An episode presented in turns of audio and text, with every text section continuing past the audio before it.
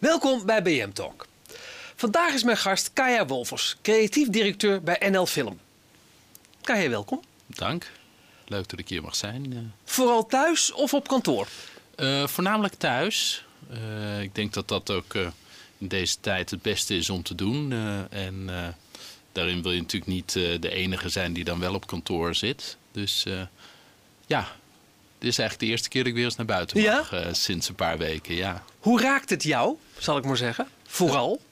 Eh, persoonlijk is het gewoon heel erg wennen in eh, waar, je, nou, waar je weekend begint en waar je vrije tijd hebt en wanneer je aan het werk bent. En je moet denk ik heel erg oppassen dat dat niet in elkaar gaat overlopen, omdat je en niet wil dat je persoonlijk leven te veel door je werk gaat heen lopen, maar ook niet andersom. Dat, is, dat is echt een beetje opletten. En ik, je mist je collega's eh, Ja. gewoon. Dat, daar denk je nooit aan op het moment dat je met je collega's bent. Maar op het moment dat je ze niet meer ziet, realiseer je eh, hoe belangrijk dat is om goedemorgen te kunnen zeggen Ja. en te weten hoe het met anderen gaat. Ja. Ik wil toch dit een vooral zo gewoon mogelijk gesprek laten zijn. Heel dus ik begin ook vaak met een verrassende vraag. En dat, dat zou zijn geweest, normaal gesproken. Ik zag dat je scheikunde hebt gestudeerd aan de UvA. Klopt. Eh, hoe kom je dan helemaal in de media terecht? Ja, dat is een goede vraag. Eh, ik ben opgegroeid in een, eh, in een vrij creatief gezin. Eh, mijn vader was arts en schrijver. Mijn moeder schrijfster en filmmaker. Of dat zijn ze allemaal nog steeds. Ehm, en ik zag dat en ik dacht, nou, als ik ergens ver weg moet blijven, dan is het bij creatieve beroepen.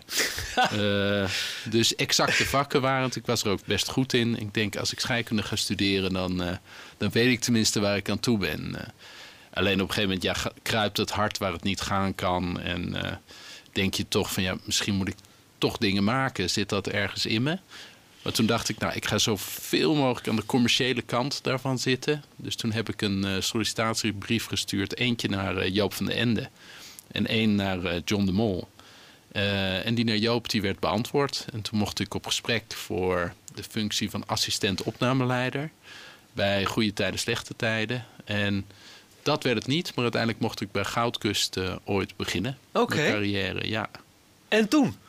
Ehm, ja, toen.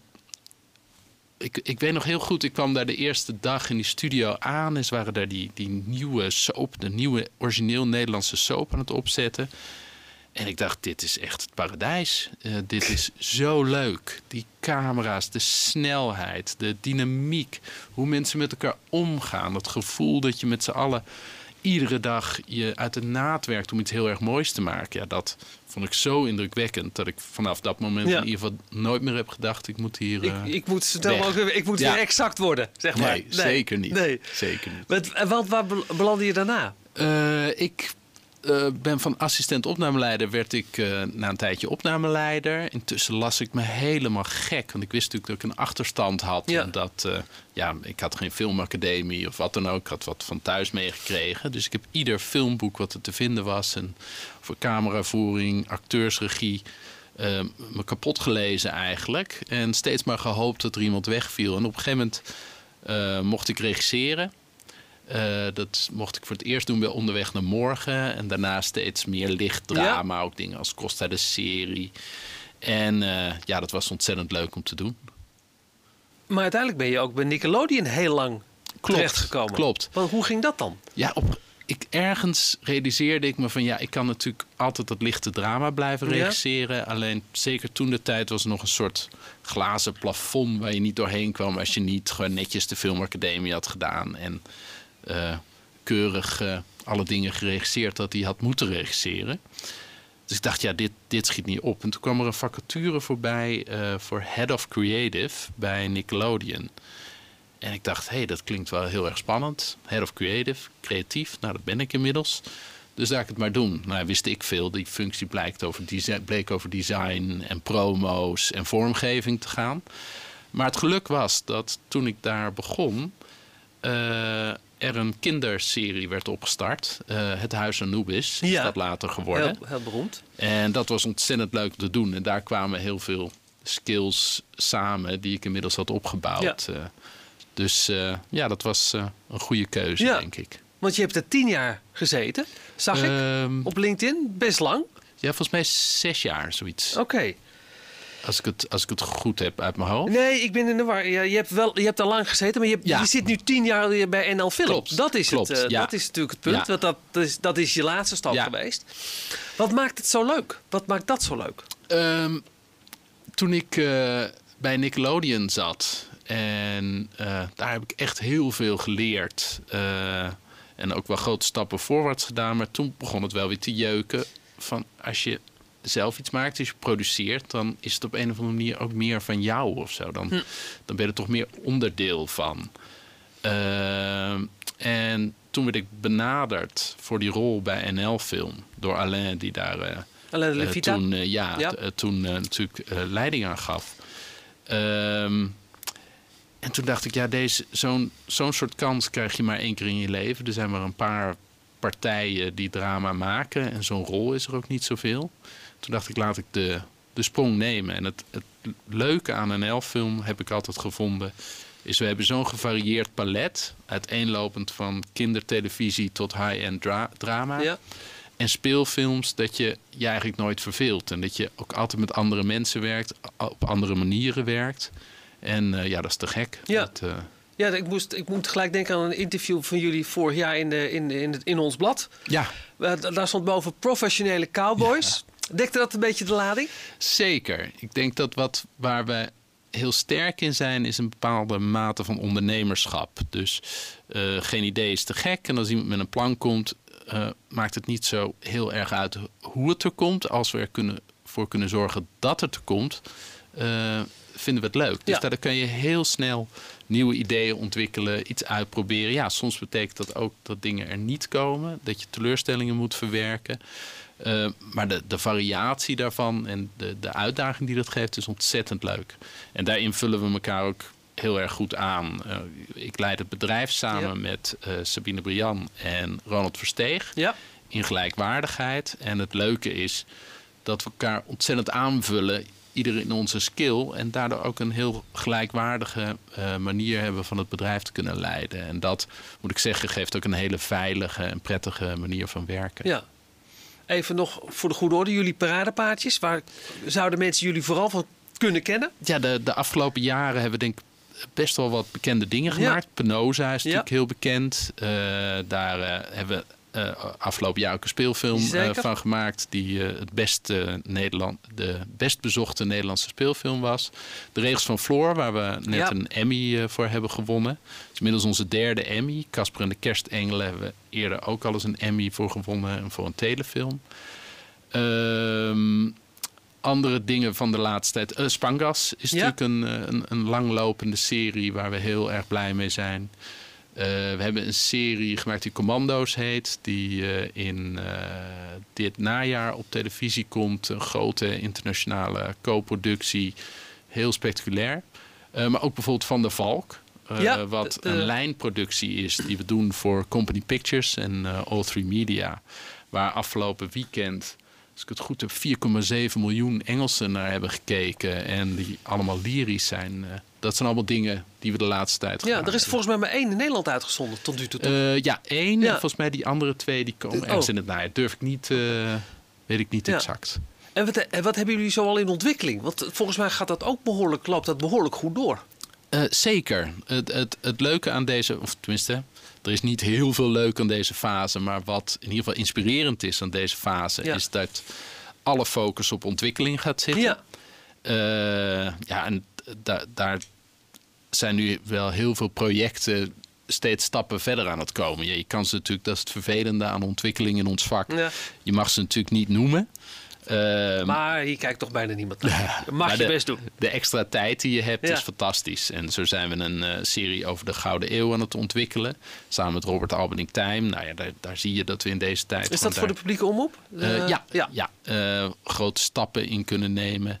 We zijn met een, eh, met, samen met schrijver Willem Bos, wat een grote favoriet van mij is, eh, zijn we een, eh, een serie, een soort near sci-fi serie aan het ontwikkelen waar we grote stappen in kunnen nemen.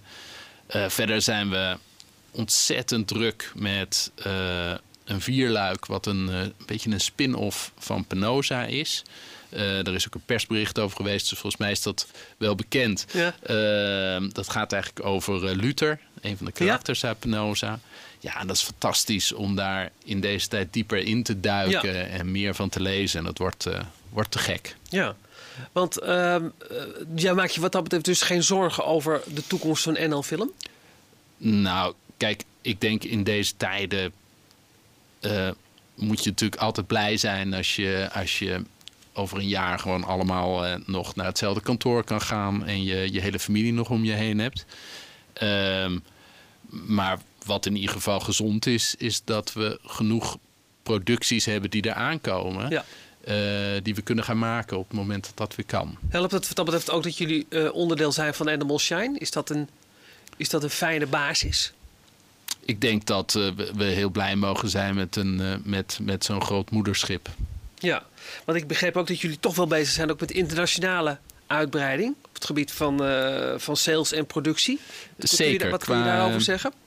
Wat, eh, wat heel leuk is om te merken, eh, en dat is iets wat afgelopen jaren natuurlijk heel erg gegroeid is, maar waarvan je ook voelt dat dat een ontwikkeling is die zich blijft voortzetten, is enerzijds door de Film Production Incentive eh, en andere eh, regelingen van het Filmfonds, is het Ja. interessanter geworden voor internationale partijen om in Nederland te produceren.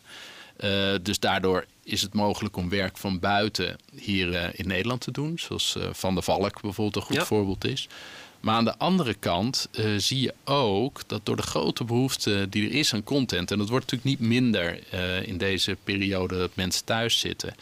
ehm, is er ook steeds meer interesse vanuit het buitenland... om juist Nederlands product te laten reizen. En ik denk eh, dat eh, we daar nog heel veel in te groeien hebben als Nederland. Maar dat je wel die ontwikkeling ziet. En als je ziet wat de interesse is in de regels van Floor. eh, ook al voor die Emmy, wat uitgezonden wordt in Duitsland, in Denemarken, Zweden, Frankrijk inmiddels. En daar komen steeds meer landen bij. Ja.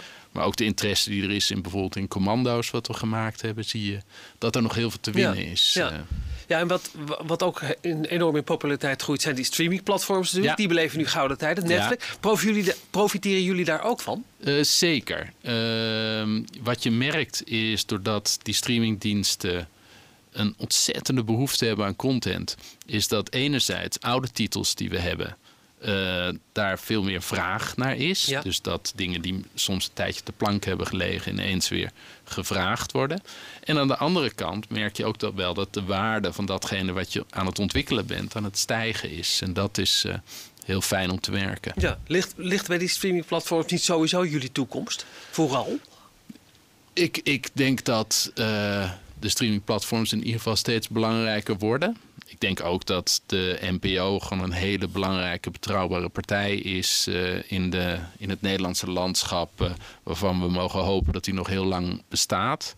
Eh, en ja, ik, ik hoop ook dat de, de commerciële omroepen, om daar een tegenwicht aan te, te bieden, ook sterk blijven. En op een gegeven moment ook weer Ja, want Videoland zal ook, in jullie, zal, ook voor jullie een, een fijne partij zijn. Videoland is absoluut een heel plezierige partij. Ja. Ja, zeker.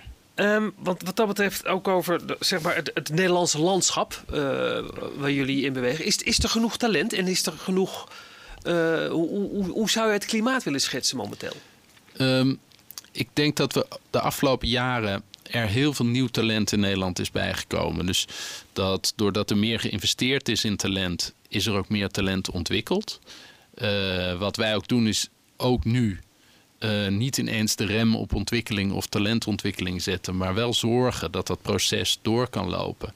Omdat je merkt dat er heel veel eh, aanwas is aan jonge schrijvers, dat ze ook meer zich in collectieven gaan hullen, meer Ja. samenwerken. Ehm, en dat je merkt dat daardoor de kwaliteit van datgene wat er geschreven wordt omhoog gaat. Het is, het is zeker nooit slecht geweest in Nederland. Hoor. Er is altijd een goede basiskwaliteit geweest. Alleen het, het, het, het reizen ging wat minder makkelijk. En je merkt nu dat, dat er gewoon in die industrie meer energie is gekomen. Ja. En, eh, maar er is een belangrijke rol voor ons als producenten om te blijven durven om met nieuwe mensen te werken. En niet altijd te leunen op mensen die al een bewezen succes hebben. Precies. Ehm, en 2020, eh, een heleboel mensen beschouwen dat al, dit eigenlijk al als een verloren jaar. Geldt dat ook voor jullie? Of kan het, of kan het voor jullie nog echt een, een heel goed en geslaagd jaar worden? Uh, heel goed en geslaagd is het natuurlijk als we het, uh, als we het gewoon redden met z'n allen. Ja. Uh, ik denk dat dat het allerbelangrijkste is. En dat, je, dat je mag hopen dat je collega's allemaal gezond blijven en dat het een, een hele gezellige nieuwjaarsborrel wordt, onder wat voor regelingen dan ook. En dan is het sowieso een succes. Wat ik hoop is wel dat dat we dit jaar kunnen gebruiken om in ieder geval in ontwikkeling door te gaan. Uh, dat we kunnen zorgen dat in ieder geval partijen en mensen met wie we werken uh, ook uh, weer genoeg werk aan ons ja. overhouden. zodat we in de loop van het jaar weer vol kunnen beginnen. Ja. dus ik geloof er nooit in dat een jaar verloren is. Ik, ik denk wel dat er andere spelregels zijn in dit jaar. Hartstikke goed. Dankjewel dat je mijn gast was. Dank.